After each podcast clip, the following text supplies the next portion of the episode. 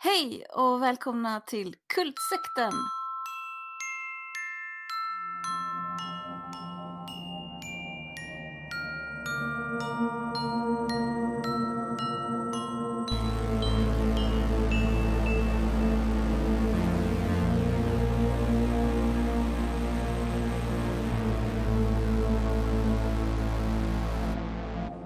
Jag heter Anna-Maria Olsson och jag sitter här, fast inte på riktigt, men ändå, med Henrik Johansson. Yes, och jag är i mitt hem alltså. På coronasäkert avstånd från Anna-Maria. Ja, jag har tänkt på det. Jag tycker det är skittrist. Nu vill jag snart, alltså. Jag lyssnar på Ja. någon podcast där folk satt, satt tillsammans, så som vi gjorde i början och spelade in. Och det blev så himla mycket finare samtal. Jag har lyssnat på en podcast där det var två stycken som satt i samma rum och sen var det en som var med så här som vi har kontakt. Och Ja. den tredje var liksom hela tiden så här lite försenad, hörde hälften. Ja. Kunde, alltså, Ja, men det, jag saknar också det liksom att uh, sitta i samma tv-soffa först och kolla en film och sen snackar man om den. ja Också- gud. Också för alla nyanser med kroppsspråk och sånt där liksom. Ja, sen, sen är det ju lite fördröjning så att man hinner liksom... Men nu har du också gjort mig uppmärksam på att vi har funnits som podd i ett år. Ja, just det. Mm. Jubileum! Woho! Champagnekorkarna smäller här i taket. Ja, verkligen. Ja, men det är jättekul. Ja, verkligen. verkligen. Mm. Vet inte om det jag ska säga att det känns, ibland brukar du vet, kan det vara så att saker känns kortare eller känns längre. Jag vet inte vad. Ja, någonting mittemellan. Ja. Nej, Det känns som nog- ett år. Det, det känns som ett år. Och det har ju hänt väldigt mycket på det här året. Alltså, jag, Ja, jag tänker då kanske mer på typ corona än med, än på, med podden. Liksom. Men, ja. Ja, ja, ja det, har, det har varit lite, alltså ändå det har varit lite uppförsbacke kan jag känna. Lite. Mm. Men samtidigt så är ju också, alltså just podcast känns ju som en perfekt coronasyssla så Ja, inte gör det. bara. Mm. Också sitta hemma och, och kolla på skräckfilm är också en bra coronasyssla, eller hur? Ja, ja men precis. Det passar. Eh, Men vi tänkte vi skulle fira det här ettårsjubileumet genom att låta dig välja film. Mm. Woo! Det, äntligen! Jajamensan, för en gångs Mhm. skull. Eh, och jag valde ju uh, Near Dark som är en vampyrfilm från 87. Och det är Yes. lite så här, jag var lite skräckslagen. Nej men du vet, det är en film som, den kom alltså när jag var 14 och jag misstänker att jag var i den åldern, alltså jag var tonåring när jag såg den så jag har inte sett den på ja, 30 år eller någonting. Det är Ehm, modigt, modigt att välja en film. och, och då blir det så här, Ja. Mm. eftersom jag mindes den som att den var bra och så tänker man, men hur var egentligen mitt omdöme 1987 eller 88 eller 89? Eh, men eh, jag är positivt överraskad över min egen tonårssmak kan jag säga. ja, vad härligt. Så du känner, du har, du känner inte skräckslagen längre? Nej, ni har ju sett den då. Och jag, Ja. Men det hade varit lite, du vet, hade varit så lite typiskt om man såg den och så visade det sig att man tyckte den var skitkass. Liksom. Mm. Ja. Så jag får alltså välja film en gång om året. ja, det kan väl vara lagom. Nej, det- men men jag- inte. Du får Nej. välja film så ofta du vill. Alltså det är bara Men- att jag har haft lite svårt att förstå vad du ville se. Jag svårt att liksom... Men är det också så att jag, nu när jag tänker tillbaks liksom, så tror jag att jag hade nog min största skräckperiod innan jag flyttade hemifrån. Mm. Eh, från att jag började läsa Dracula-serietidningen, så jag började med, med vampyrer vid, eh, jag vet inte, 10-årsåldern eller någonting. Och sen Mm. Blev det liksom lite djurskräckisar, Hajen med kompisar och så blev det skräckfilmer och så flyttade jag hemifrån vid 18. Då misstänker jag också att det blev så att ehm, att jag inte hade liksom någon video. Förstår du vad jag menar? Ja, ja, ja. ja. Alltså att Mm. jag ha- hade liksom inget sätt att se på film. I alla fall de första åren jag bodde hemifrån. Nej. Sen, sen så bodde jag liksom i kollektiv, kanske med andra som inte kollade skräck liksom och sådana grejer. Ah, ja. Mm. Ja men jag hade också några år när jag bodde utan tv och video. Mm. Precis där när jag flyttade hemifrån. Eh, Men jag tror jag var hemma hos kompisar och såg skräckfilm och jag gick på bi- jag bodde ganska nära eh, mejeriet. Ja. Och de hade någon sån här skräckbio då. Aha. Ja, och skräckfilmsfestival och sånt. Så jag såg ändå rätt mycket skräckfilm tror jag. Ja. Mm. Ja, jag har försökt komma på, jag kan faktiskt inte, jag vet faktiskt inte om eh, mitt första hem hemifrån hade tv eller inte. Jag kan inte komma på om vi Mm. hade det. Jag tror Jag bodde, det. bodde i kollektiv och så var det, det var en som hade en tv på sitt rum. Men man gick Ja. liksom inte, vi umgicks inte, jag gick liksom inte på det sättet. Jag gick inte in och satte mig där och kollade mer än kanske två gånger någonsin. Nej, jag vet. Och vi hade, jag vet med bestämdhet att vi inte hade, jag inte hade någon tv. Och vi hade inget vardagsrum heller. Nej, inte vi heller. Så, så, eh, så det är om någon, annan, det är någon, någon andra hade tv. Och, Ja. och, men, men det är också för, jag blev lite så här, vad gjorde vi på kvällarna egentligen? Vad ja. gjorde jag på Ja. kvällarna? Vad gjorde du på Ja. kvällarna? Jag vet vad jag gjorde. Jag tränade ett par gånger i veckan. Ehm, jag jobbade för en miljöförening som hette Fältbiologerna. Så jag var på lite så här klubbbesök och sånt. Ja. Eh, när jag, flytt, jag festade inte speciellt mycket. Jag vet inte, jag tror inte jag läste speciellt mycket heller. Mycket osäker. Det var ju liksom typ innan man hade datorer på riktigt också. Mm. Du då? Vad gjorde du? Jag festade, hängde hemma hos kompisar och läste. Ja. Och Krux lyssnade på jag, musik, men ja, det gjorde jag ofta när jag läste. mm, att jag bodde ju i Herrljunga. Där jag typ inte kände någon.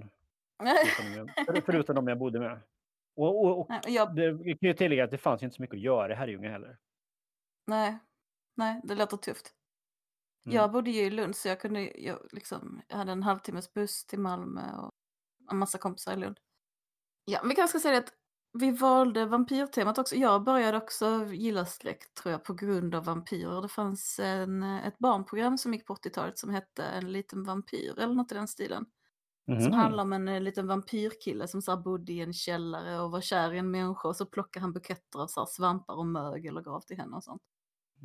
Jag tyckte jättemycket om den.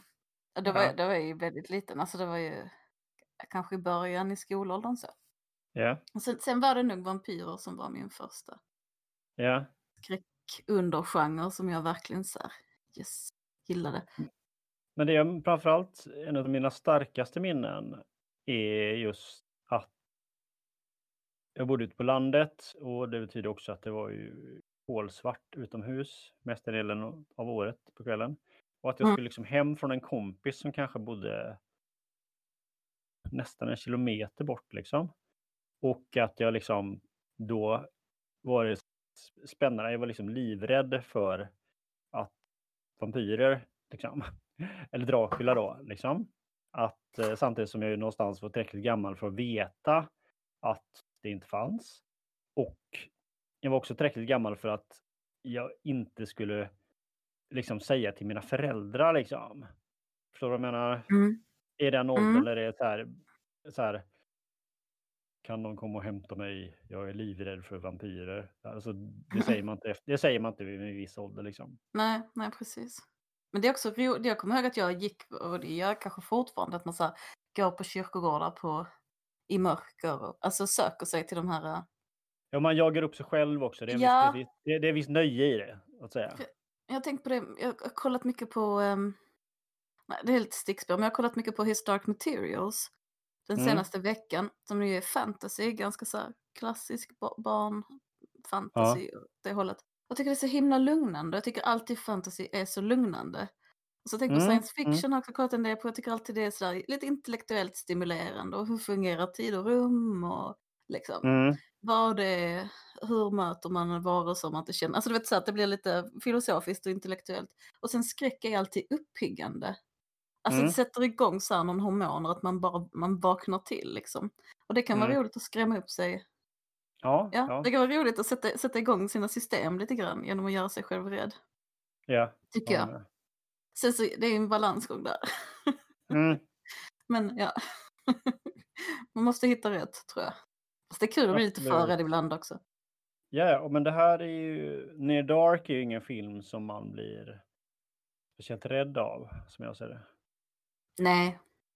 Nej. Den är mer... eh, Lite mer actionaktig på något vis. Förstår du vad jag menar? Mm.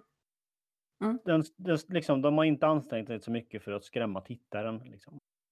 Nej, Nej, det, finns, det är ingen så psykologisk spänning eller så som byggs upp.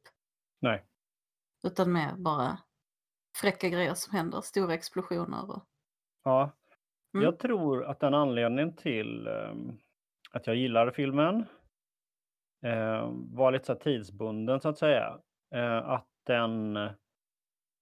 Ja, du vet, jag var uppväxt med Dracula-serietidningen och så, så kom det, för, i alla fall för min del, det var den här någonting som bröt med, du vet, det gotiska slängkappevampyren liksom. Så Ja, här, ja, det här ja. var någon slags nutida, samtida vampyrer. Inga grevar i slott i Rumänien. Mm. Som, jag är ju några år yngre än dig, så jag tror kanske en av mina första, så här, förutom den här riktiga barnprogramsvampyrer, var nog eh, Lost Boys. mm, Alltså den första vampyrfilmen jag såg. Så för mig var det nog inte, alltså när eh, eh, En vampyrs bekännelse och Bram Stokers Dracula kom, då var, det, Mm. då var det så himla häftigt för det var historiska vampyrer. Så jag var nog med på det hållet. mm. Att jag bara, När åh kom... äntligen! Liksom. ja, nu blir jag konfunderad här. Nu måste jag nästan slå upp det, känner jag. Nu kommer jag röra mig lite grann här. När kom Lost Boys egentligen? Jag, tror den kom ganska- 88 eller 86. Eller kanske kom 87 också, men kanske direkt efter eller direkt innan typ.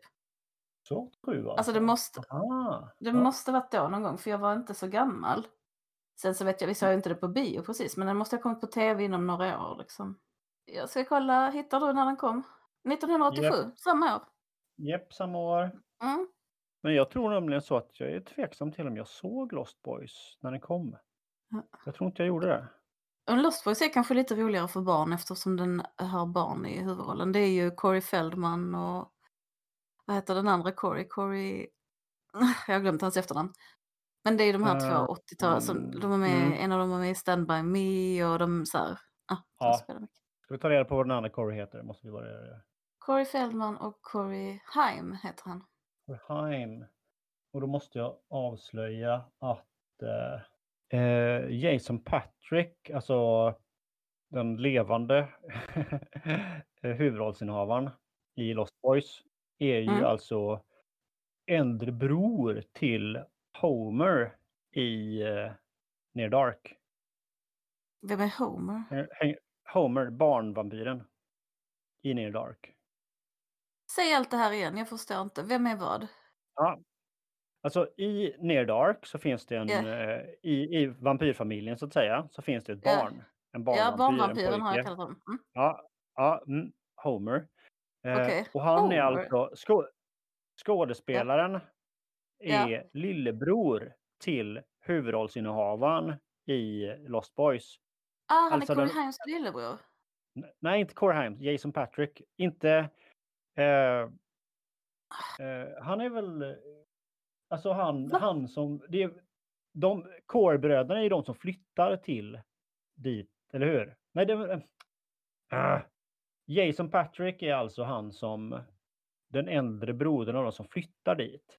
Ja, Till staden där Lost Boys men sen är det väl, sen är det väl en av Corysarna som är lillebror? Ja, exakt. Ja, så hur kan Homer vara lillebror?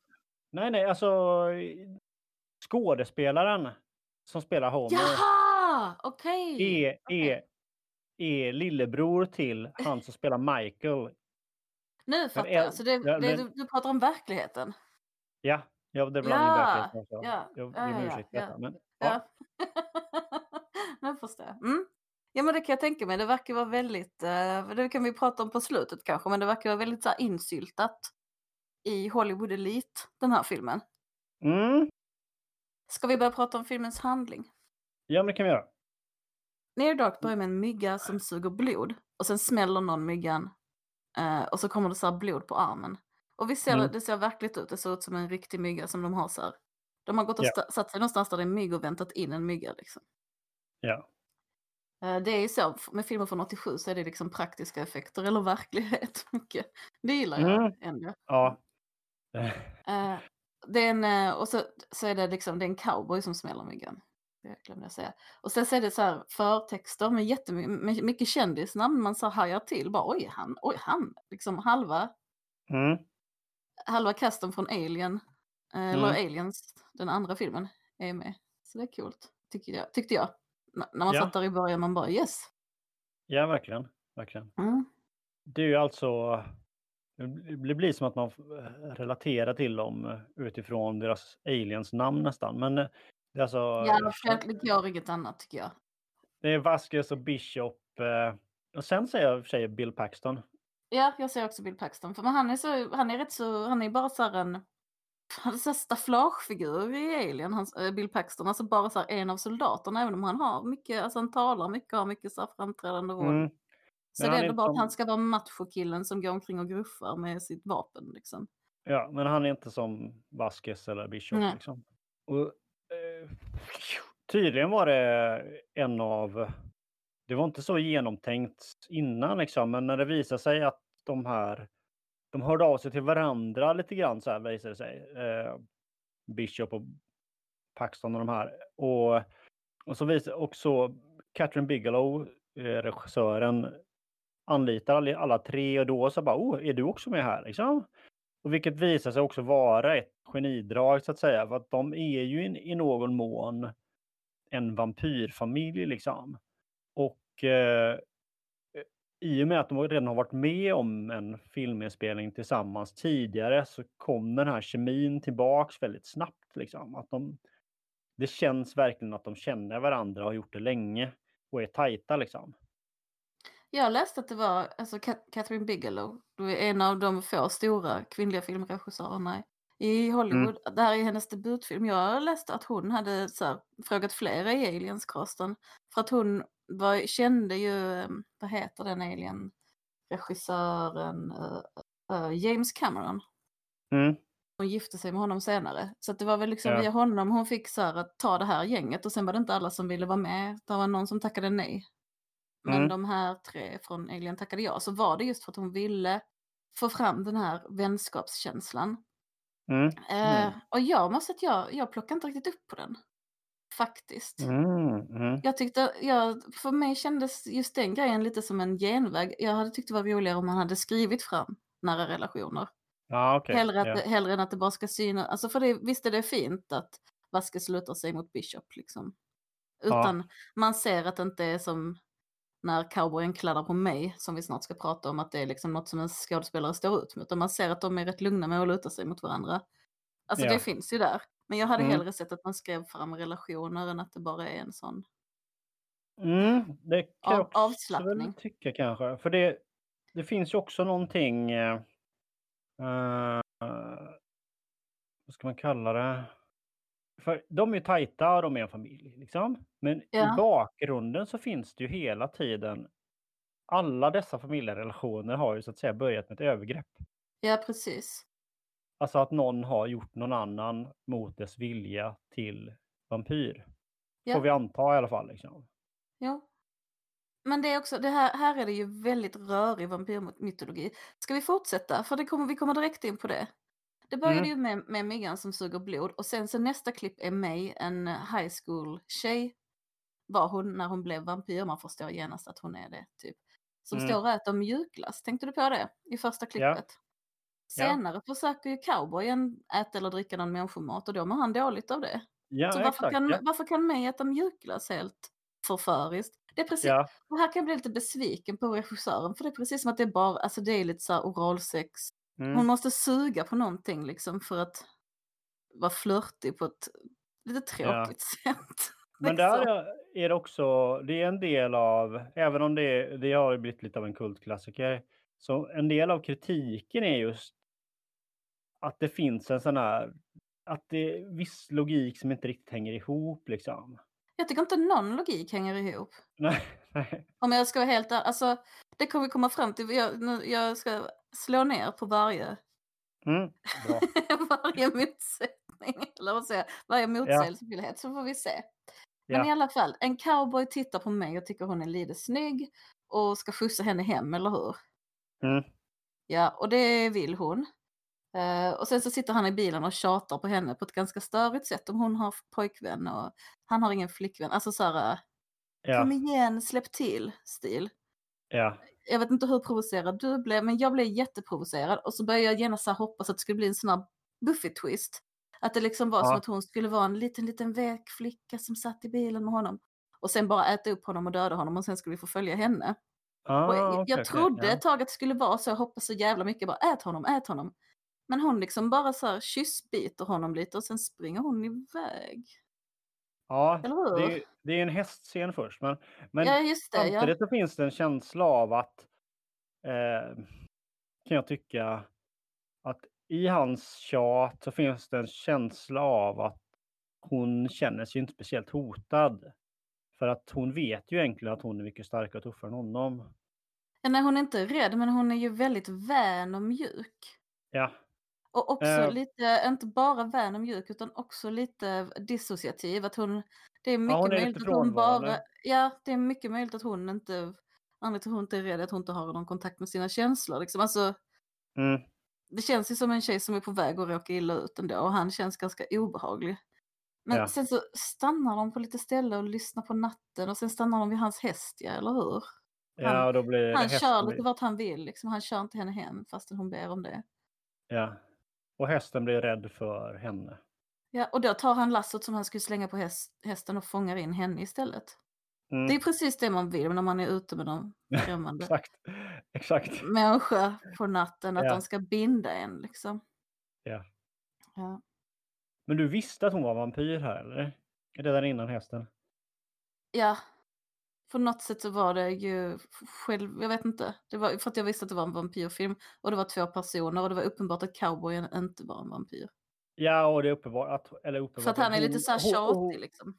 Och hon är eh, ny på en plats också. Hon kommer, Ja. hon är lite den eh, mystiska främlingen som kommer till en plats. Ja, Och och sen är också li- lite i hans sätt att liksom närma sig henne som är så här... Det är en, inte underlägset, men det är så här, liksom, ah, kom igen, kom igen. Och så är ju inte, en vampyr Mm. tar ju det, det den vill ha, Ja. försöker inte manipulera på det Det sättet. är så här tonårspojk-tjatigt liksom. Ja, snälla kyss Ja. mig, snälla ja men precis. Åh, Och sen så, så kysser mig honom och sen så får hon panik för att hon vill hem.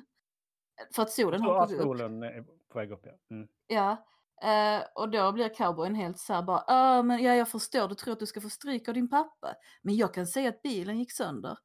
Man bara, åh, det är så mycket som är så jobbigt i den här scenen. Mm. och sen så börjar han utpressa henne eh, om att de ska kyssas igen, bara, eh, kyss mig, kyss mig. Och nu börjar hon ju bli nojig för att nu är solen på väg upp liksom. Ja, och han håller på att kladdra på henne på något sånt äckligt sätt och hon sitter bara och tänker på annat och oroar sig. Eh, och sen Mm. biter hon honom och sen springer hon iväg som jag sa. En, Eh, och här har eh, jag gjort, här har gjort gråtande ansikte att hon inte dödar honom ja, i mina anteckningar. det visste jag ju Säg. innan, innan jag såg den nu. Så, så det var ju ingen, ingen överraskning för min del. Ja, här någonstans börjar jag inse att det är cowboyen som är huvudpersonen och det gjorde mig besviken. Mm. För jag trodde att det var mig som skulle vara huvudpersonen. Ja, men där måste man ju säga att alltså varken...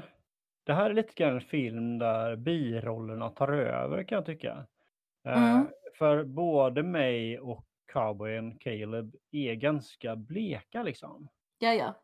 Absolut. Och, och det är inte De är inte heller en del av Alien-casten. Alltså, det är Nej. ju taskigt att ha liksom tre ikoniska skådespelare som, som man ska vara huvudrollsinnehavare och så är de biroll. Alltså, det funkar inte Mm. riktigt ändå. Nej. Eh, men sen, sen så börjar bilen funkar inte och Caleb, cowboyen, börjar springa på en åker eh, och ryka när solen går upp. Så då har han, han har bara fått ett litet bett men har liksom inte druckit något blod av honom vad det verkar utan bara Mhm. precis Mm. satt tänderna i honom lite grann och av det har han blivit vampyr. Som om det var en zombie. Alltså det är precis Mm. som att han, alltså det går som, det är som när man brukar bli zombie, det är typ zo- zombie-mytologin. Att bara en Mm. liten skrapa av tänderna så är man genast smittad. Ja. Du pratar ju om eh, myggan och specialeffekter och sånt. Och att det är 80-tal. Eh, Ja. på, I dokumentären så berättar de att för att få det här att det ryker från han när han går över liksom, fältet och solen börjar dyka upp. Och så är Ja. det så att man har liksom massa små, jag uppfattar det som massa små tuber med brinnande cigaretter i. Inne i kläderna. Så att, som gör att det blir helt odr... Så att det är cigarettrök liksom. Tobaksrök. Så att, Ja. och han, han sa att ah, han stank liksom tobak kanske en vecka efteråt.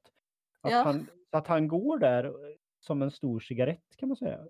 Fan vad underligt att det är just det som de tycker är så här, den mest För, det enkla. fanns ju, för man kan ju inte... Nu för tiden hade man ju, vad heter det, lagt på röken efteråt så att säga. Ja, eller kanske använt någonting, typ någon rökmaskinsteknologi. Jag vet inte om man vill göra praktiska effekter. Men det känns Mm. inte som man hade sytt in cigaretter i någons kläder. nej, nej, så är det också. Eh, Så han vacklar hemåt. Och det här är en cool scen kan jag tycka. Ja, Då så- det här är en jättekul scen. Och där, då så är han börjar komma hemåt så att hans lilla syster och hans pappa ser honom så här liksom. Åh, nu där är Caleb och han, han måste vara sjuk eller någonting. Och, så, och då kommer det en eh, stor husbil. Vad heter det? På? Ja. Winnebago typ eller ja. Ja, och som kör mot honom. Och eh, någon liksom slår upp dörren och är helt insvept i någon typ matta eller filt och så bara och liksom fångar in honom och drar in Ja. honom i, i bilen. Ja, det är Det sån härlig action med en sån sk- skrotig liksom husbil på en åker som kör omkring. Men den, den husbilsgrejen, det känns som att Joss Whedon har tagit lite intryck av den för det dyker upp flera gånger i Buffy. Dyker upp framförallt att Spike, Mm. Spike som är den vampyren som kanske mest liknar de här vampyrerna. Han kör omkring i en massa skruttiga, sot, eh, sotiga husbilar med så här, där de har svartat ut fönstren så att man bara kan se genom en springa och så. Precis som de Ja, gör. just det. Jo, det gör de eh, Mm. med, med fönstren. Och här är det också någon slags, det, är på med, det blir lite omvänd cowboyaktigt liksom. Att han vacklar runt på fältet och så kommer det någon och fångar in honom i kontrast till han Mm. med sitt lasso. Liksom. Eh, och de kör ju runt alltså på dagtid då och har då eh, sprayat färg på rutorna och tejpat fast massa aluminiumfolie och sånt. Och så Ehm. när, eh, när eh, de snatchar cowboyen då ser familjen det. Alltså han har ju en pappa och en lilla syster på en farm Mm. ganska nära. Så då ringer de sheriffen. Mm. Eh, och sen så får man se henne i husbilen. Där är det så här, det är också lite äckligt. May, som är den här lilla high school-flickan, ligger liksom på golvet. Och så är det någon som håller henne över handleden. Så att hon är Mm. liksom verkligen lågstatus i det här vampyrgänget och så här, ligger på golvet medan de andra sitter på stolarna. Eh, Mm. och så tjafsar de då om att hon har gjort en ny vampyr för hon vill väl också ha en kompis eller någonting. Att han ska få en Mm. vecka på sig och bevisa att han kan vara en av dem. Eh, typ, kommer de fram till. Ja, men det Ja. kanske är liksom är lite så att den yngsta vampyren, alltså yngsta for, i form av hur länge de varit vampyrer, är på något vis lägst ner i rang eller så. Mm. Mm. Att, och hon är ju den som då inte har gjort någon annan vampyr, förstår man senare, känns som. Ja, det måste stämma ja. Men först är de ju extremt eh, hotfulla liksom. Mm. Det är inte så att Ja, ja, de det- sätter så här, jo Caleb, nu är det så här att du måste, vi ger dig en chans att vara med oss vampyrer, utan det är så bara, haha, jag kommer hugga huvudet av dig, haha, haha, haha. Ja, och de, ja precis. Och han ligger också, får också ligga på golvet med mig och klättra runt där och bli knivhotad va? Mm, De har mycket vapen för att vara vampyrer. mm, Ovanligt mycket. Det är inte, brukar inte vara så mycket pistoler ja. och, Och- pang-pang.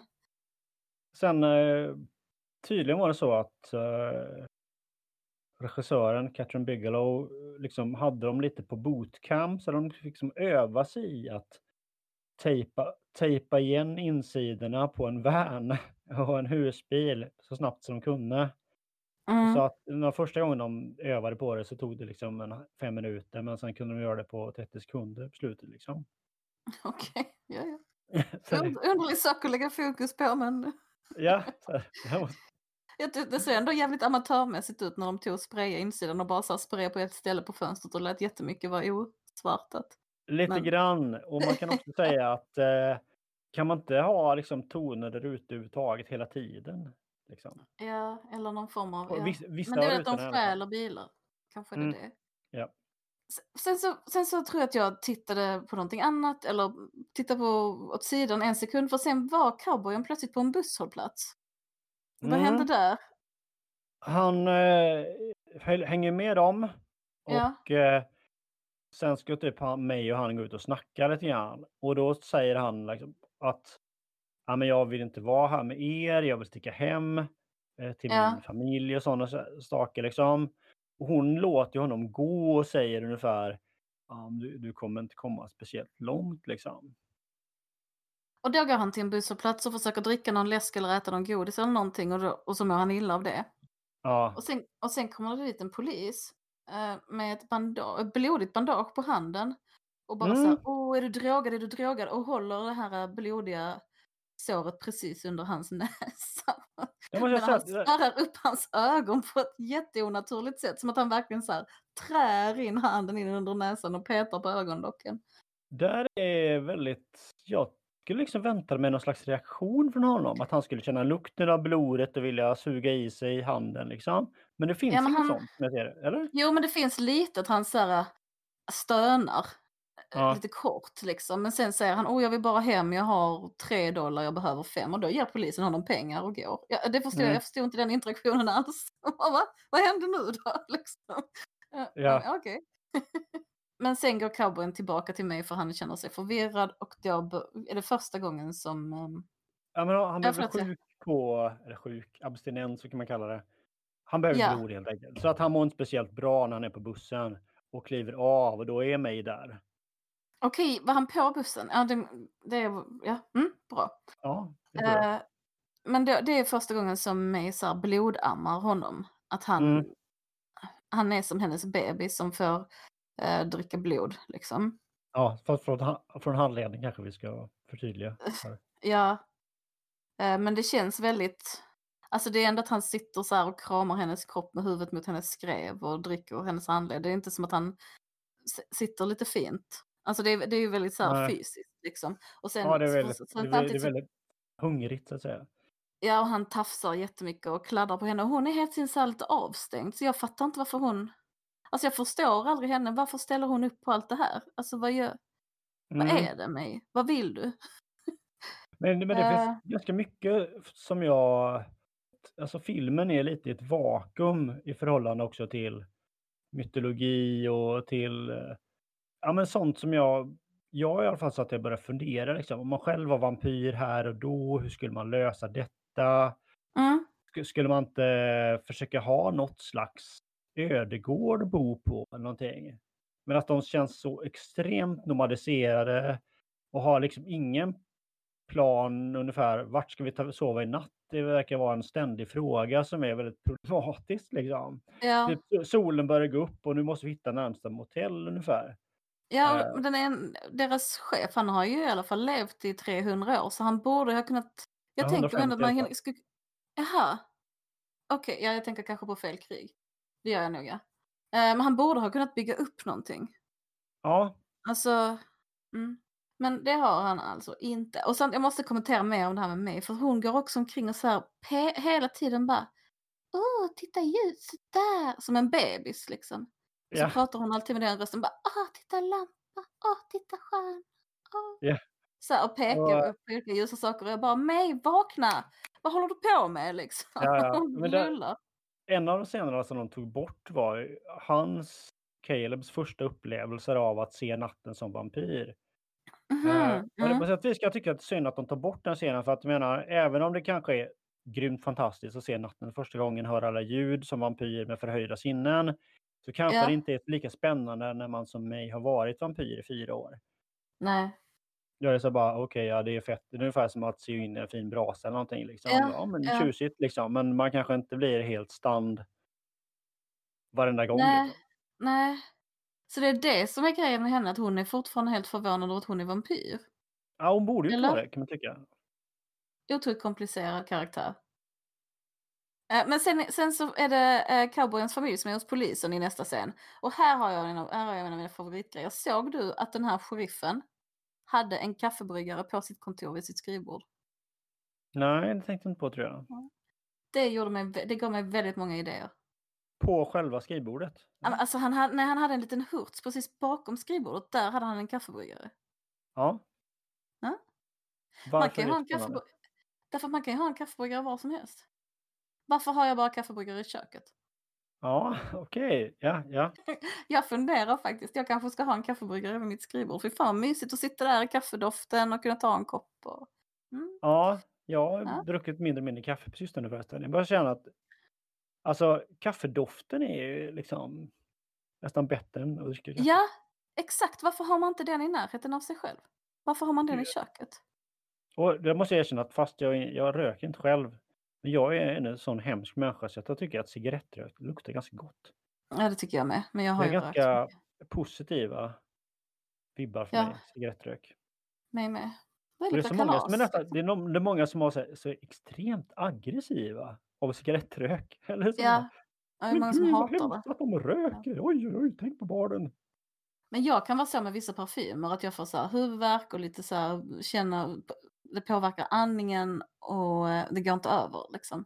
Att jag bara Mm. mår dåligt. Jag vet inte om andra kan ha det av cigarettrök. För då förstår fattar. jag det verkligen. Ja, jag Det gillar är inte, jättejobbigt. jag gillar inte hemorrojder. Bla. Ja. Hellre kaffe och cigarettrök alltså. Ja, verkligen. Ja, ja. I nästa scen så är cowboyen rädd för någonting som jag inte heller kommer ihåg och så tröstar med honom. Lite som en mamma igen, att hon ska, hon pysslar Mm. om honom. Mm. Och hon ska på ett sätt vara hans vampyrmamma så det är väl, det hade väl, det är väl okej. Men hon är ju inte, hon, samtidigt är hon ju helt utan makt. Samtidigt är hon en vampyrlover. Jag, menar, jag tänker en förälder har ju ändå makt över ett barn men hon har ju ingen makt över Caleb. Alltså Nej. cowboyen utan hon bara, hon är bara så här, oh titta ljuset, det här är mitt blod, jag ska trösta dig. Ja. Eh, Det är, om man ska liksom prata med vampyrer. De säger ju aldrig ordet vampyr. Har du tänkt på det? Det förekommer Mm. inte i hela filmen. En pryl som, är, som de inte har, och som, de har heller inga familjärer, trals, de har inga mänskliga medhjälpare. Någonting annat som kanske vore praktiskt att ha, kan man tycka. Men eh, Ja. Men jag vet inte om de har det här att de kan eh, järn- eh, glamoura, det verkar de ju inte kunna. Alltså det finns ju i, i vampyrmytologin att man kan säga så här, och du vill, olika du vill hämta en glass till mig och så gör man det liksom för att man blir lite så här påverkad. Men det verkar de inte ha. Utan de olika skrämmer ju bara av, människor. eh, olika former av eh, hypnos och sånt ja. Nej men kan ingenting sånt. Nej. Nej. Eh, men det är väl rätt så vanligt tror jag i olika, Och hur är det med djur egentligen? det är bara, jag tror bara det är hästen som reagerar. Nej men de eh, förvandlar sig till djur någon gång, gör de inte va? Eller? Nej, nej, det gör de inte. Och, och inte Det är inte så Ja, vanligt. De, Nej. nej, men de, de har ju ignorerat många av de klassiska eh, Mm. vampyrgrejerna liksom. Det finns ju inte Ja. någonting med kors och sånt med heller. Men det är ju rätt så vanligt som 28 Days Later som vi såg. Jag tror det var den första vi såg. Det är ju också Mm. en klassisk zombiefilm men de säger aldrig ordet zombie. Nej. Alltså det, det är ju rätt så vanligt att man gör så. Att man så här, Ja, Om det här var på riktigt, hur skulle det vara då? Alltså om det inte vi nämnde mytologin. ja exakt. Barnvampyren ligger på gatan bredvid en cykel. Eh, och Mm. ser ut som att han har eh, varit med om en olycka. Mm. Mm. Så då stannar en vuxen och ska ta hand om honom och då överfaller han den vuxna. Det är ju jättesmart. Mm, smart. Lite fälla. Ja. Och sen har jag skrivit idiot, lyfter med idioter. För att det Mm. klipps till att den här eh, soldat Bill Paxton. Bill, eh, Bill Paxton lyfter med två tjejer och alla är så jävla dumma i huvudet. Alltså, Alla är verkligen så jävla dumma i huvudet. Men jag tror så finns kan vi säga, att det finns ju något annan syn på liftande här liksom än man har idag. Men ja, alltså det står liksom en snubbe i så här och viftar med en pistol i eller cowboy. revolver i, Ja. cowboy, i backslick och cowboyskjorta. Liksom, eller Ja. inte, den är nästan vit liksom. Eh, Med då- cowboy-slips har han. ja, och då stannade två tjejer och bara oh, hallå snygging! Ungefär. Och jag bara, alltså vem hade stannat för den här människan? De hade ju snarare tryckt gasen i botten. Och han säger- började så jucka i luften typ och göra finger guns och bara yeah babes, yeah. Och de bara yeah bro, yeah. Och alla blir så här stirriga på ett helt vansinnigt sätt. Ja, Och är sen det kör så man rag, raggar man så på sydstaterna förr i tiden? Eller på inte. 80-talet? Men de är glada i alla fall, det får man ge dem. Det är ju trevligt. Folk har Ja. roligt. Och sen, sen så eh, kommer en scen när jag bara har skrivit Vaskes hår och ingenting mer. Hon har en helt sjuk frisyr i den här filmen. Hon har liksom superblonderat hår så att det är, ser inte ut som hår längre utan det ser ut som bomull. Men sen har hon ganska så lång utväxt. Så där är ju Ja. håret mörkt och tjockt och blankt och sen kommer den här bomullen och ligger som en hjälm runt huvudet. Ja. ja, men tydligen vill hon ha lite det här, eh, eh, su, vad heter det, superveteperoxid. Ja, Ja, men lite de här, eh, men utväxten är för lång. Och, Ma West, eh, Ja, ja. Monroe-håret liksom. Stort, Mm. ljust, kritvitt hår och så, men, och så är det jättelång utväxt. men det ser Ja. vansinnigt ut.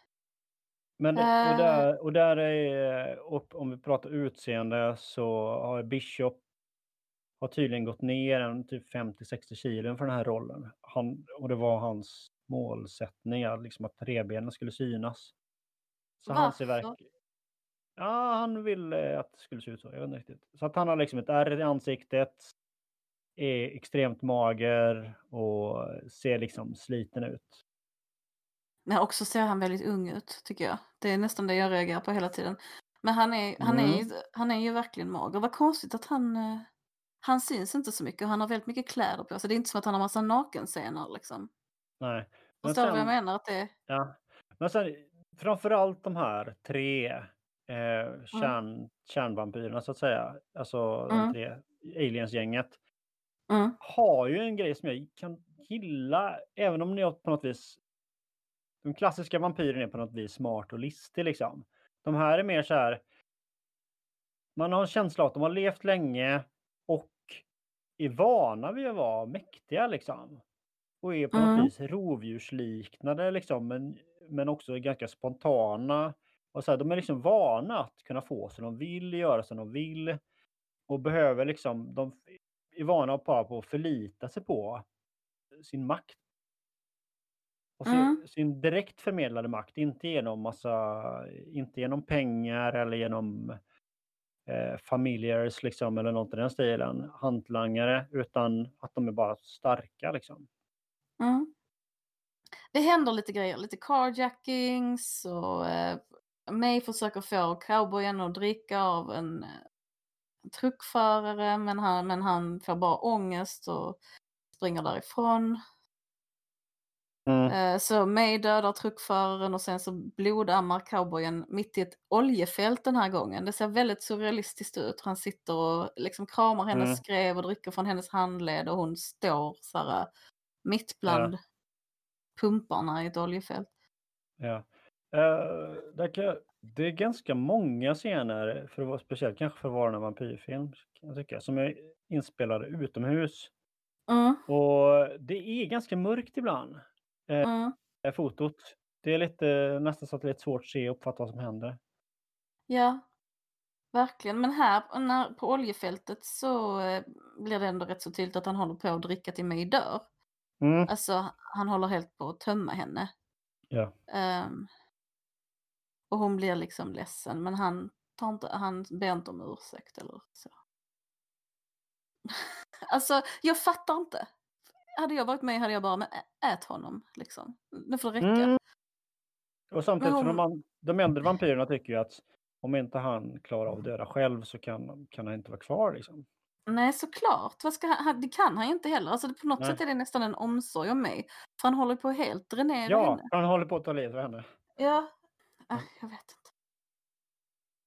Sen kommer en väldigt rockig scen på en bar och här är, här är något som pågår som jag tycker att det känns väldigt typiskt 80-talet. Att eh, vampyrgänget är så här ett kriminellt gäng. Liksom. Mm. Och då är, det är det som att de inte är människor. Utan de är bara så jävla störiga och inget mer. Det är lite som när de, de här när de lyftade också. Att, ja men då var de så här fräcka ungdomar. Då är det också som att man inte är människor. Mm. Förstår du vad jag menar? Att man bara så här, "Äh", med en kniv. ingen, Aha. ingen känsla för någonting. Bara "Äh", tills någon är död och sen går man på nästa grej och ingen vet varför eller... Mm. Eh, här, eh, jag, jag gillar den scenen mycket på baren. Eh, Mm. Alltså rent, vad ska man säga, estetiskt. Jag tycker den är snygg och ganska rolig. Mm. De liksom går in, låser dörren och nu ska vi ta och jiddra massor med folk och är dryga, starta bråk liksom. Samtidigt kan man ju tycka att att det skulle vara liksom lite mer realistiskt om de var lite mer försiktiga liksom. Mm. Alltså, vi, vi, vi tar liksom hur många behöver vi döda, hur, förs- liksom, hur försiktiga ska vi vara i dessa mord, hur döljer vi dem? För att det är ju ändå så att de måste se upp för myndigheterna liksom. De kan liksom inte lämna Ja. hur stora blodspår efter sig. De dödar o- oerhört mycket människor, onödigt många, på också väldigt bisarra sätt. och eh, bränner upp platser och ja. Ja, ja det är verkligen vilt. Alltså det finns någon slags eh, psykopatiskt sadistiskt drag. Det är inte bara som att nu ska vi behöva mat liksom, utan Men verkligen, men det är också Ja, så festligt. att man går igång är- på sin makt. Liksom. Ja. Ehm, det första de gör är att de skär upp servitrisens hals. Och, Ja. håll, och liksom tömmer upp hennes blod i ölglas och dricker. Mm. Det är också väldigt, det är också väldigt svettiga vampyrer här. De är liksom smutsiga och svettiga hela tiden. Och, och Ja, det är inga Eh. så snygga Dracula-vampyrer på det sättet. nej. nej, nej, och när de dricker blod så, så här rapar de och alltså är lite äckliga på olika sätt. Fett i håret och Ja, men de är lite som ett eh, drygt bikergäng som kommer in och tar över en bar. Liksom.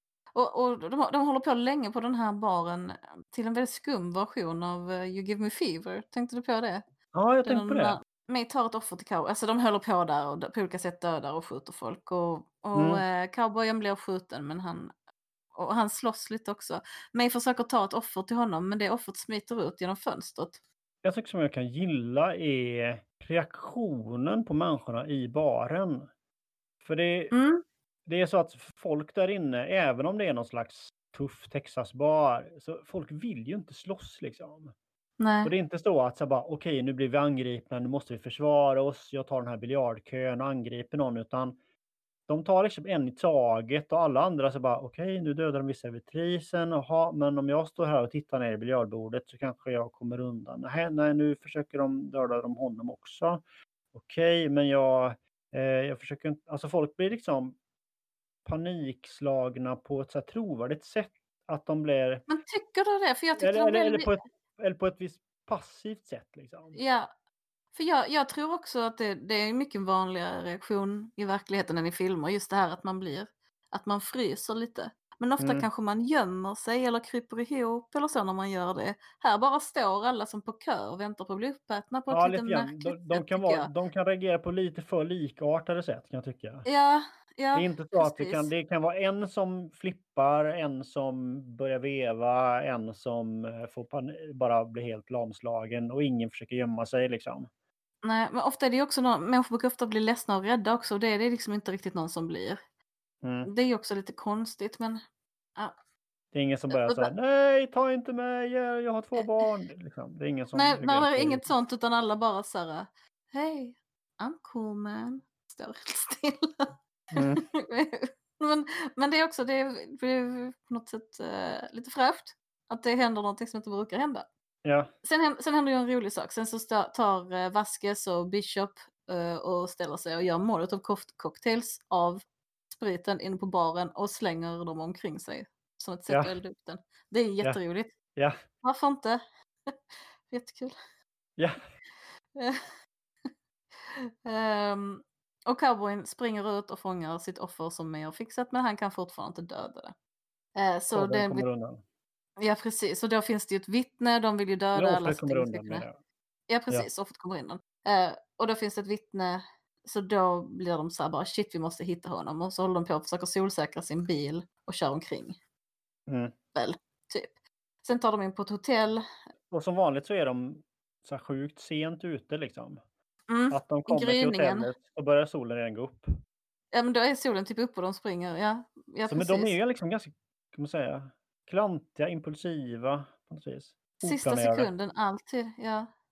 Och, eh, och tänkte du på att i det här motellet, eh, att det var liksom en gubbe som precis bakom receptionen, där bodde han. Där låg han och sov. Så när de plingar så här klockan fem på morgonen på receptionen, Mm. då kommer han upp i pyjamas och tar hand om dem. Mm, Det- det. Så lever Ja. man inte riktigt idag. Eh, De tar in på hotellet i alla fall och den här motellgubben han känner igen Bishop och Bishop bara ja jag var här för 50 år sedan så här, ironiskt som att det inte är sant. Mm. Ehm, Och sen kommer ju, eh, då har ju, nu är ju polisen på spåren liksom. Ja precis, nu är polisen dem på spåren och omringar deras lilla bungalow. Eh, Det är Mm. ett sånt, hotell, sånt typiskt skräckfilmshotell som jag pratat om innan att jag skulle ta reda på var det finns här i Skåne. Sådana små stugor som ligger ut. Det är Ekerödsrasten. Där är ett Mm. sånt motell. Okej. Där Ja. borde vi åka och bo över någon gång och, och typ bara uppleva skräck. Se Ja. skräckfilm där eller någonting. Det var jättekul. Ja, verkligen. Eh, Men de, de poliserna i alla fall är väldigt roliga. De har såna här, de har så riktiga tantglasögon. Så gultonade, stora, runda solglasögon. Jätteroligt. Står de och skjuter bakom dörrar. Det blir en sån shootout liksom. Mm. Och så är det precis en sån, kanske första gången, tänker jag mig, det händer det här med, som också finns i Dusk till Dawn och väl är lite som en trope. Att vampyrer Mm. gömmer sig i ett hus och så skjuter man i huset så kommer solen in genom det. skotthålen. det Och så blir, ja, det, ja, snyggt. så blir det nästan som en sil där inne, att de kan inte komma ur, alltså det blir så mycket hål. Så att de kan inte riktigt komma ur, så de bränns väldigt mycket där inne. Och de verkar Mm. väldigt lättantändliga. Mm. Eh, eh, och Men då hu- rymmer, huden bör, liksom börjar bubbla lite svart äckligt när de får sol på den. Liksom. ja. och då rymmer cowboyen ut med en filt som han liksom håller inte över och runt sig utan mellan sig och kameran upp så att ingen ska se vem det är som springer med en brinnande filt. Kan det vara en stuntman? Jag vet inte. ja, Det är väldigt... väldigt, eh, många, vä- med, väldigt mycket cigaretter i händerna. I Ja. Hela filten brinner ju. Mm, till slut ja. Men personen bakom verkar inte brinna utan det verkar vara filten som brinner bara när han springer till bilen. Det ser roligt ut. Ja. Så han håller som ett brinnande segel mellan sig själv och kameran och springer. Så, Eh, och, här är jag lite förvånad över att snuten inte skjuter på däcken. Ordentligt. Ja. ja. Men men, vi ska inte vara sådana. han, han hoppar i alla fall in i bilen och sen kör han in i bungalon, alltså genom väggen. Det är också extremt riskabelt. Han hade ju lika Ja. gärna kunnat kö- köra över någon ju. Men de är ju vampyrer så de kan inte riktigt dö av att bli påkörda kanske. Nej, visst. Men det vet Okej. han kanske inte, jag vet inte. Mm. I alla fall så räddar han dem och så får han beröm och då blir May lite glad. För hon har Mm. igen ingen egen... Hon blir inte glad av att bli räddad. Hon säger också det, någonting sånt sjukt när han håller på att döda henne. Så här, Gör inget om du dödar mig eller alltså sådär. Mm. Hon har inget jag. Men nu fick, fick cowboyen lite beröm och då blev hon lite glad. Liksom. Det enda gången Ja. hon visar någon slags... Så då blir det lite också som att han blir accepterad. Även om han nu inte har dödat någon själv så har han i alla fall räddat dem från att dö. Ja, de säger till och med det rakt ut, eller mig säger det, att nu är det nästan som att du är en av oss. Eh, och- Och en annan Det- sak som vi glömde säga, att det här vittnet som Caleb lät smita, det är Mm. med i shootouten och sitter och gör rädda miner i baksidan på, bak i polisbilen. Varför har Mm. de kört dit honom? Han bara sitter där. Ja, Det är jättekonstigt. Men ja, nu är de i alla fall någon annanstans och den lilla ungen, eh, vampyren, röker och drar riktiga halsblås. Det känns ju inte så kul att se. Hur gammal kan han vara? 10? det hade 11? inte varit med i en film idag tror jag. Nej. Nej, alltså barnskådespelare har ju inte haft det eh, lätt på 80-talet. Vad Nej. jag kan förstå. Eh, väldigt grymt utnyttjat. Alltså precis som att de slutar vara barn för att de har jobb. Att de blir behandlade Ja, som vuxna. För menar, Ja. man ger inte ett barn cigaretter och röka. Alltså man gör ju inte det. Det spelar ingen roll. Nej. Det är så himla onödigt. Men det är många scener när den här ungen röker och drar halsblås. Mm. Mm. Ja. De tar in på ett nytt hotell. hotell. Mm. Och eh, nu är det ju liksom början på slutet. För Mm. den här lilla vampyrbarnet då går ut och ser då, klockan är fem på morgonen, eh, ser då en liten chai som typ är en drickautomat på motellet. Mm. Och det är ju alltså Calebs lillasyster. Men det vet inte han och han blir helt fixerad och bara vill ha henne. För han, han är ju en gammal gubbe i ett barns kropp och han har pratat innan om hur han tycker det är jobbigt. Det är också med i en Mm. vampyrs bekännelse, Kirsten Dunst, här intresse, alltså Mm. Det är lite svårt att förstå och obehagligt men liksom ett barns vuxna sexualitet. Det känns pedofilt och Mm. eh, väldigt komplicerat hans åtrå av den här lilla flickan och hur han bara vill lura med henne och kolla på tv och är helt fixerad, liksom vill vara med henne. Ja. Men det är väl också så att han känner att han har förlorat mig nu. Att han har turned henne från början och nu har hon hittat någon annan. Ah, är det så? då, ja. Ehm, Okej. Så då vill han ha en ny så att säga. Jag trodde det var så att mig fick ju lov att göra en kompis, då vill jag också få lov att göra en kompis, typ. Jag, Nej, jag, men det... Ja. Okej. nej, han, vill, han vill ha lilla systern, han vill göra henne till sin. Mm. Uh, en, vä- en väldigt obehaglig pedofilkänsla där som aldrig liksom uttalas. Han sätter sig med henne vid tvn och är helt desperat och hittar tv-program som de kan titta på för att han vill inte att hon ska gå och så. Och sen kommer ju den lilla flickans pappa. Jag vet inte, är det Vasquez som hämtar henne? Honom? Nej, det är Paxson tror jag. Men då, för Okej. Caleb kom ju in, de har varit ute och insåg Ja. att det här är min lilla syster här. Och innan har de har gått för att hämta pappan också liksom. Så pappan kommer in och försöker skjuta dem men det, det enda som händer, Bishop blir skjuten och han spottar liksom bara ut kulan. Mm. Eh, och, och de- det är liksom vanligt våld funkar inte men den lilla systern bryter sig loss och springer och öppnar dörren så dagsljus kommer in. Mm. Eh, och då leder det till att pappan, cowboyen och lilla systern rymmer. Ja. Och rymmer hem till deras gård. Och här Mm. fattar jag inte, är pappan veterinär eller varför har han massa stålbritsar och medicinsk utrustning? Alltså jag vet inte om det är så att han gör något i den stilen. Eller så antingen är han bara så att de har djur, det är en gård. Han, eh, jag vet inte om han är veterinär eller om det är bara en del av hans bondaktiga liv så att säga. Ja. Men där han tydligen, det låter som att han har gjort någon slags blodbyte på olika djur. Ja, och nu så gör okej. han det på Caleb, sin son då istället. Och det funkar. Ja, han, tapp, han tappar först ut en massa, alltså typ en liter ser det ut som i flaskan. Alltså det ser riktigt mycket, han tappar ut, eller mer, av sitt Mm. eget blod. Och sen så får Caleb det som transfusion. Och då blir han genast människa igen. Ja, så det var No lätt. explanations. Väldigt Nej. eh, förvånansvärt lätt ordnat eh, att få honom att bli människa igen. Och det är också väldigt konstigt, alltså varför, vad är detta för någonting liksom? Med tanke på att han blev smittad eh, genom ett ganska nätt litet bett så är det Det är svårt att förstå. märkligt. Det är svårt Mm. att förstå. Yes.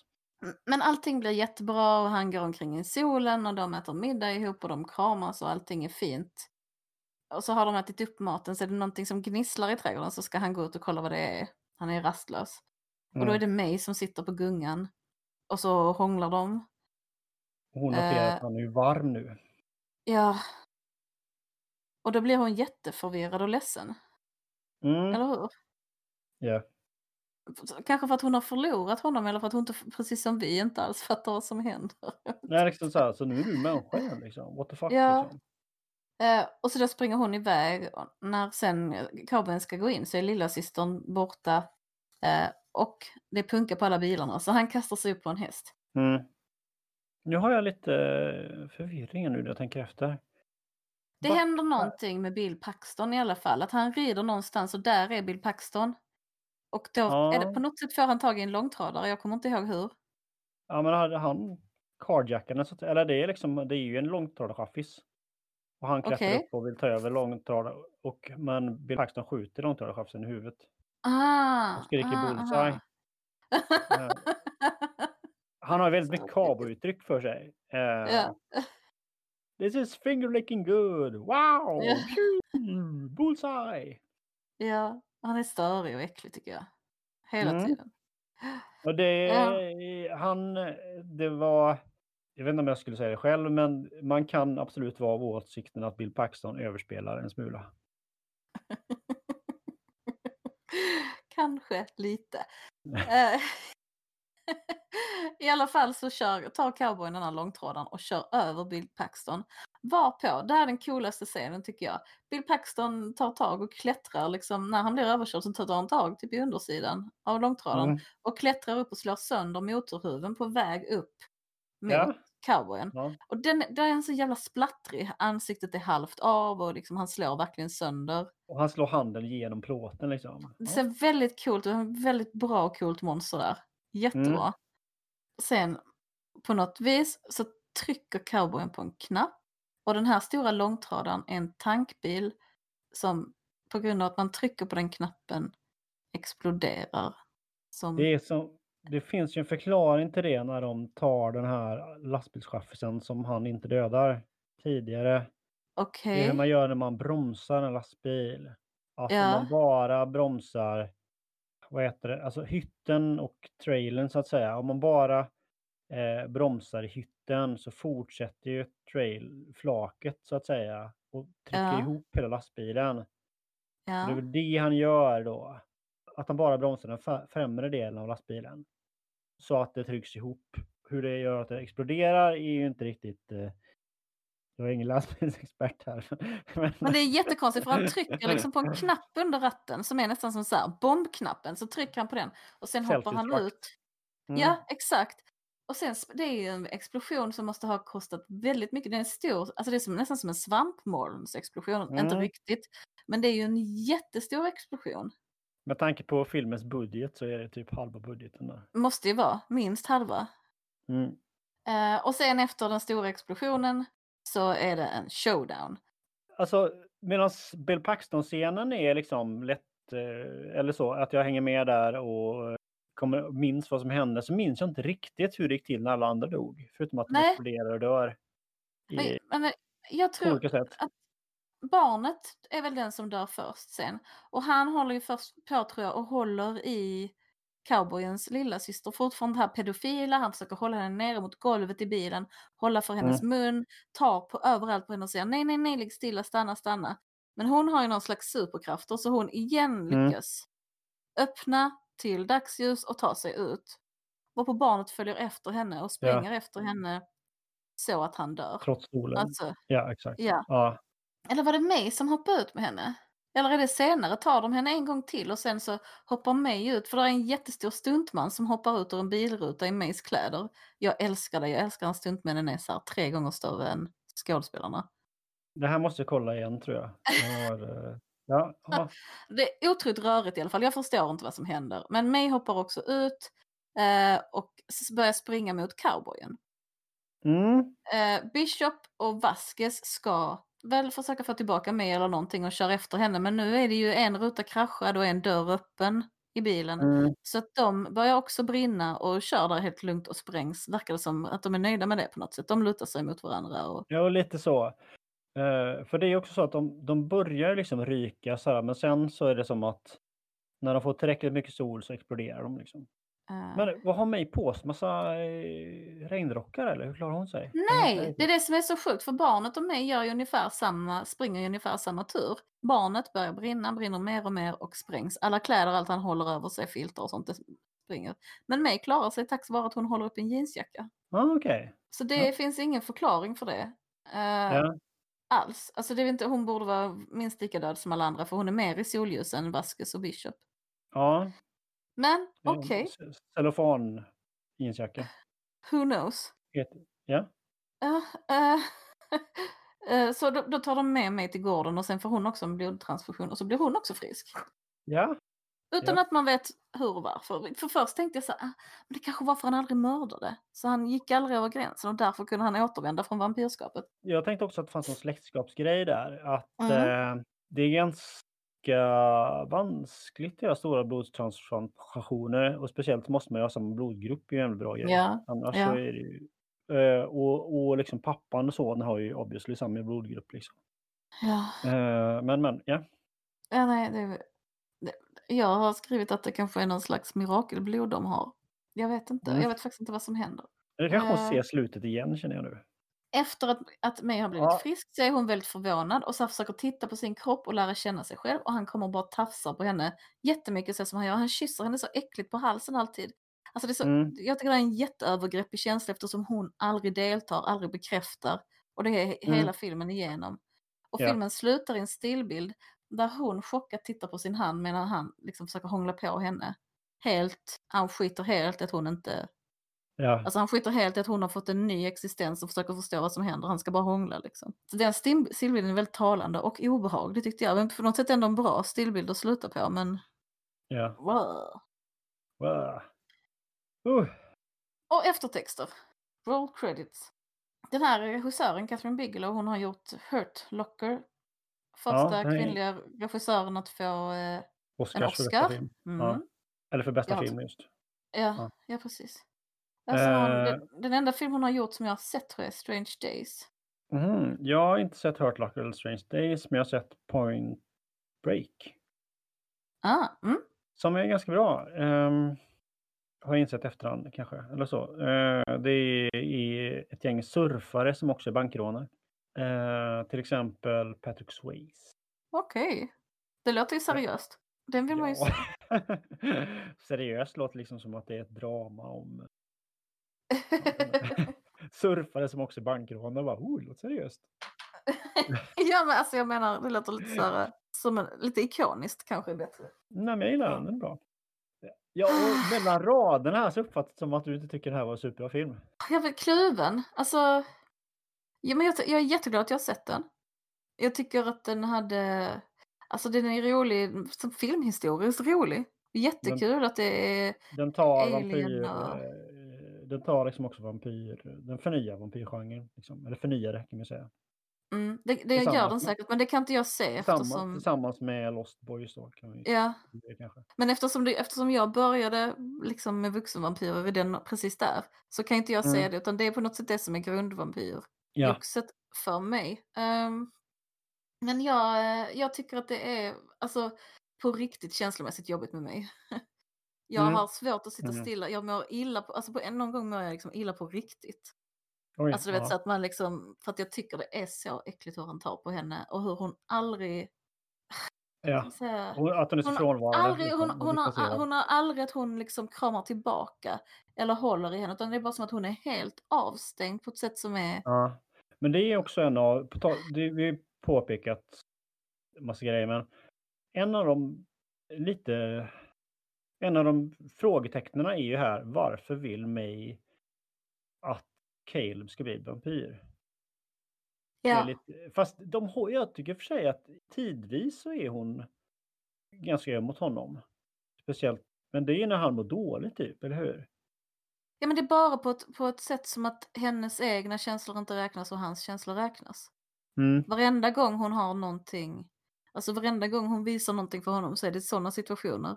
Det är aldrig som så här, oh jag älskar dig eller jag vill vara med dig. Utan det är bara så här, oh vad synd om dig och du behöver här, ät upp mig liksom. Och, mm. ja. Som att hon är ingen, hon är en, en frånvaro av en karaktär. Den stora behållningen är på något vis, eh, tycker jag, aliens-gänget liksom. Ja, jag håller helt med. Där är någon scen när det lilla barnet tar och ska gå ut och göra någonting och tar sin cigarett och släcker den mot bordet framför Bishop. Och mm. Bishop mm. tar upp cigaretten och lägger den i askfatet efter honom medan han går förbi som också känns sådär... Äh, jag vet inte hur han... Där är någonting som man undrar om omsorgen om det här barnet under inspelningen. Eller jag gör det väldigt mycket. Var det någon mm. där? Alltså var det så att... För att det, han gör det på ett sätt med en helt annan energi än han gör andra saker. Det är verkligen som att han lite tar hand om ungen. Eller, alltså, mm. alltså sådär, där är någonting konstigt i det som jag reagerar på. Spännande. Jag undrar liksom vad, hur, hur har det här barnet haft det? Jag har inte riktigt letat upp honom och sett. En, en sak som jag förvånas över lite grann är det är en scen där Diamondback, alltså Vasquez, ja. eh, pratar med barnet som att han är ett barn. Fast i filmen så är han ju en uråldrig vampyr så att säga. Eller inte uråldrig, ja. men han är ju inte ett barn Gammal. som är så bara Nej. så här, Homer, titta på mig när jag pratar med dig. Sådär liksom. Ja. Som är lite, ja, intressant kan jag tycka. Och där är också något tillfälle när eh, Vasquez har ju en jättestor urringning med väldigt mycket svart smuts i. Som, som liksom verkligen drar blickarna till urringningen på, men på ett störande sätt som jag, jag faktiskt gillar. Den är men, enormt upp, upp, upplyft. Eller hur? Ja, men, ja, och sen är det liksom nästan som med svart kol ritat konturer i smuts jättemycket efter hur kroppen ser ut. Men mm i, i det utseendet så, så ser hon ändå, när hon spelar mot den här uh, lilla systern så, mm. så, är det någonting vid tv när hon också, hon byter utstrålning precis som Bishop gör och blir mjuk i mm. Sitt skål. Alltså även om hon inte säger någonting mjukt så skär, skär det sig helt för att det är någonting lite så här försiktigt i hennes utstrålning i relation till barnet. Jag tänker, de har ju spelat i Aliens, det är min favorit Alien-film med mm. Newt de har ju spelat mycket med ett barn. Alltså de har ja. ju gjort det länge precis. Ja. Uh, och Newt tycker jag ändå, jag har ändå en slags positiv bild av det. Dels för lite grann hur det ser ut på skärmen, hur de är, all, alla är mot barnet i, i, ja. liksom, i filmen. Att de tar lite hand om henne. Men sen också att hon inte blev skådespelare. Mm. Alltså hon som spelade Newt, jag, för- det, blev liksom, det, det där var hennes roll. Där är någonting i det som alltid får mig att tänka att "Nej, men det, det var nog bra för henne. Alltså, det var, blev nog inte sån här traumatisk bindning för henne att "Åh, jag måste fortsätta spela. Utan det var en grej hon gjorde. Så. Ja. Jag har ingen aning. Men Jag, Ja. jag kikar lite nu och han har varit med i annat, absolut. Han, har varit skå- han är skådespelare liksom. Varit Mm. med. Men eh, ehm, är han skådespelare som vuxen också? ja, jag tror det. Jag tror det. Mm. Mm. Och nu är också, också writer liksom. Men eh, manusförfattare. Eh, han, eh, I dokumentären om inspelningen så framgår det också att de pratar inte specifikt om det. Men det känns inte som en barnvänlig miljö om man säger så. Alltså de spelar Nej. in väldigt mycket av scenerna på nätterna till exempel. Ja, ja. Eh, och de pratar om att det blev en så här, lite vampyrstämning liksom. För att de var uppe på nätterna och sov på dagarna. De var väldigt tajta, de bodde ihop. Det var svårt att gå. Hon klagar över det kan man säga. Vasquez liksom, hon tyckte det var jobbigt att det var så svårt att gå ur rollen. För att det var som Ja. att de spelade in, de spelade in att de bodde på hotell, motell på, och, på dag, och sov på nätterna. Och, och, Och så gjorde de det Och också. så gjorde, och så gjorde de det i verkligheten också. Ja. liksom. Okej, ja. och, och Bill Paxton var ett halvt utflippad tydligen också. Liksom. Alltså, Ehm, lite som han är, han är ju utflippad i filmen. han är ju väldigt utflippad. Och just det är när inte han för när, när, med. när han är så här, eh, eh, vad heter det, filmad, ehm, eh, sminkad, vet ni, hela hu huvudet är sprucket liksom. Han typ, Ja. ser här. Eh, då så gick han liksom, stannade ett tåg där liksom och han eh, typ gick fram till någon tågkonduktör bara Usch, du skulle se den andra snubben. ja, det är ändå lite kul. Ja. Och, eh, och han och Bishop körde jättesnabbt i någon bil och Paxton beskrev det som att liksom, Bishop såg på den här polisen som att du är en måltid. Sådär, liksom, och pratade med honom som att han skulle döda honom. Så det var ja, men liksom ett litet tajt gäng som lever ihop väldigt tätt och eh, att det skapas en viss stämning liksom, helt enkelt. Och det, Mm. det känns inte som att det är en så här speciellt barnvänlig stämning. Man säger så. Nej.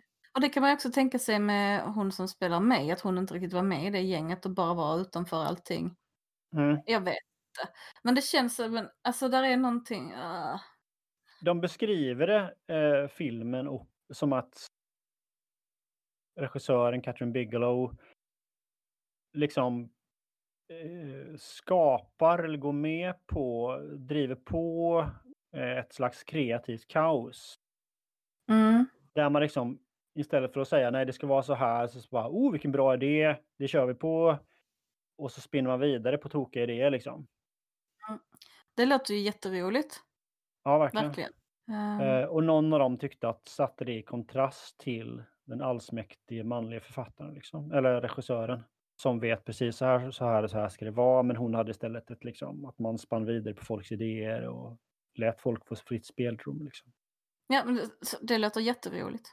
Men Mm. jag tror, alltså, Kreativt kaos är fantastiskt när man liksom uppnår det, kan jag tycka. ja, verkligen. Men man kan också bli självupptagen i det. Jag vet inte. Ja, det, men mi- mitt stora problem med filmen är eh, att jag inte känner att jag litar på eh, inspelningen. På något sätt. Mm. Den är, jag, jag, har, vet, en- alltså jag ser att barnet röker på riktigt. Jag blir så här, hur har ni... åh, jag litar inte på att det har hanterats på ett bra sätt. Och sen, sen just Mace, eh, att hon bara är... Känner jag, hon lite egentligen omedveten som jag, känner jag mig lite omedveten som inte ens tänkte på det, att barnet rökte på riktigt. Speciellt, eller reflekterade över det. Ja, ja. Mm. 12-åring spröker, vadå? Liksom. Men jag rökte också när jag var 12 år. Alltså det är inget... Och Det då är ju kommer du ing- ändå här- inget- Och då kommer du ändå här och klagar. ja, men det var ingen vuxen som sa till mig att röka. Jag tycker ändå det är en stor skillnad. Ja. Jag gjorde det som en revolt liksom. Men ja. men, men det värsta är mig. Och jag ska, hela, hela mina anteckningar igenom så kallar jag honom kladdiga cowboyen. För jag tycker han är Mm. så äcklig. Alltså, och jag, det är inget ord jag tycker man ska använda om människor någonsin. Men så som han tar på henne och så som han hela tiden kysser henne på, Mm. på kroppen och på halsen och så som han hela tiden kramar in. Utan att, att någonsin få gensvar, utan att någonsin få uppmuntran i det. Jag bara, Mm. Mm. Jag kan inte se det. Jag, jag tycker det, det, är är- det är det här, eh, med tanke på samtyckeslagstiftningen här liksom. Att hon inte, hon säger inte nej, men hon visar inte på något sätt att hon uppskattar det liksom. Nej, utan hon är borta. Mm. Hon och titta ljuset. Och så pratar hon hela tiden med en sån här röst. Trauma. Människa som är Mm. djupt i ett trauma. Att Mm. hon liksom inte ens kan komma till, fram till eller in i sin egen kropp liksom. Mm. Öh. Mm. Och så behöver det inte alls vara och det kan bara vara en karaktär och där. Men det blir så i, Ja. jag, i filmen. Det är i och för sig intressant. Men jag tyckte det var jättejobbigt att se. Ja. Jag vet inte om vi ska avsluta filmeriet. Säga. Ja, det tycker jag. Vi har ju pratat Eh, för allt om den. Det har vi gjort. Vi har, idag har vi inte jätteroligt pratat att se den ändå.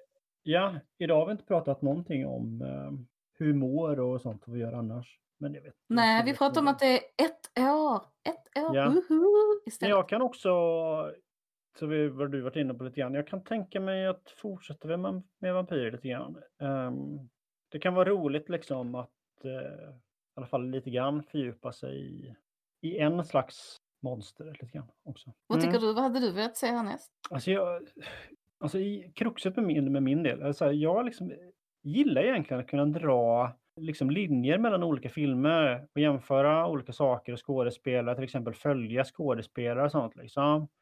Mm. På sätt och vis så vore det kul att snacka om Lost Boys för att jämföra, för den kom samma år, men Lost Boys hade varit kul att se. På ett sätt hade det varit roligt att se Alien också.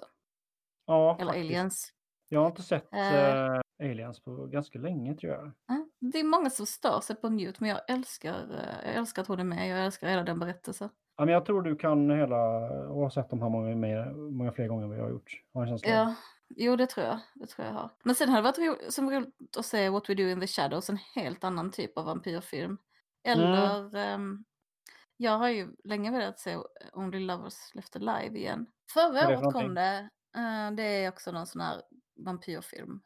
Som Ja. är mycket visuell. Alltså jag vet, inte om du, jag vet inte hur du uppskattar det, men det är kanske mer som att man sitter och får synintryck som sköljer över en. Någonting Mm. jag längtar efter. På tal om hur man Men- mår så känner jag att min hjärna vill ha det. Ja. Jag skulle i och för sig kunna... Jag vet inte om man skulle prova på What We Do In The Shadow. Nej, jo, just det. Filmen alltså. What We Do In The Shadow, men Men- den ser jag men- jättegärna till. Men där kom en annan vampyrfilm också för bara något år sedan som heter Bliss. Som är ganska Mm. skitig och tung på ett sätt som också handlar om konstnärskap och den kreativa processen. Mm, Okej, vad spännande. Ja. Ja, den tyckte jag också var rolig. Och sen så, så tycker jag att det hade varit kul att se en vampyrs bekännelse igen för jättelänge sedan. Så. Mm, just det. så finns ju Salems Ja. lott också. Den är väl också filmatiserad, är den inte det? Vet inte. Mhm. Ja, ja, just det. Jag vet inte om jag sett en vampyrs bekännelse. Jag tror inte det. Jag, alltså, jag läste däremot böckerna när de kom ut. Mm. Filmen är Eh, den? skitbra ju. Men, men den- filmen är ju skitbra. Vad är det? Tom, typ Tom Cruise och kanske Brad Pitt eller någonting. Och sen är det Antonio Kirsten Dunst. Ehm, Antonio Banderas. Går nog längre från micken här för att jag måste... Jag är säker på Men att An- Antonio Banderas... Antonio Banderas spelar nog någon som heter Armand. Armand där. Ja. Han är också med, de är med alla tre. Men det är Tom Cruise, Brad Pitt och Kirsten Dunst som är de tre centrala vampyrerna. ja, det är ju en ganska fet line-up måste man säga. Ja, det är det. Och det, och det är också, det är en bra film. Alltså där är många ikoniska scener. Som jag Mm. så här har kommit ihåg. Det var jättelänge sedan jag såg den. Det har varit roligt att se den. Har du några andra gamla fav- vampyrfavoriter genom tiderna? För nu måste vi ändå prata lite vampyrer. Alltså helt allt, det är superintressant. Alltså jag, jag tror väl att en del av de här gotiska vampyrfilmerna som är lite äldre, så flyter de nog lite ihop för mig. Jag vet inte om jag har sett Nosferatu till exempel. Och sen finns det Nosferatu, ja den är också bra tycker jag. Ehm, sen så hade jag, jag var väldigt inne på Buffy i 20-årsåldern. Helt fixerad. Men jag har inte Buffy. fastnat för Buffy, eller sett Buffy knappt alls. Jag, jag har sett färre serier helt enkelt. Än filmer. Ja. Men den, är, den var jättebra. Jag tycker inte riktigt den håller när man ser om den. Men Mm. oj vad bra den var. Och sen så kom det en spin-off som heter A- Angel som handlar om så här ett övernaturligt detektivgäng med en vampyr i centrum. En vampyr med Ja. själ. Ja. Som är så jävla rolig. Alltså är, Ja. är superrolig. Den kan jag, där är så här, vissa avsnitt är de muppar och sånt. Det kan man tycka jag fortfarande jag kan se om och skratta åt liksom. Eh, så det finns mycket roliga vampyrer för det är ju en ganska så, alltså det är ändå rätt så tropigt och fånigt. Mm. När det gäller vampyrer också, eller så. Men jag känner att vampyrer är verkligen eh, som liksom grunden i de stolar jag står på i min personlighet. Ja, men jag vet inte, liksom vänta. också, Jätteviktigt. jag tänker också som barn när man började intressera sig för vampyrer. Alltså grejen är att till skillnad från zombies till exempel, så det finns ju en lockelse i det också. Man är Ja. fortfarande sig själv och kan tänka själv Ja. och agera. Till skillnad från att vara en zombie till exempel, som inte är speciellt Ja. lockande. Eh, och så får man leva för alltid. Liksom. Nej, där är jättemycket. Har du sett, vi har ju sett, eh, jag och min sambo såg alla Blade-filmerna nyligen.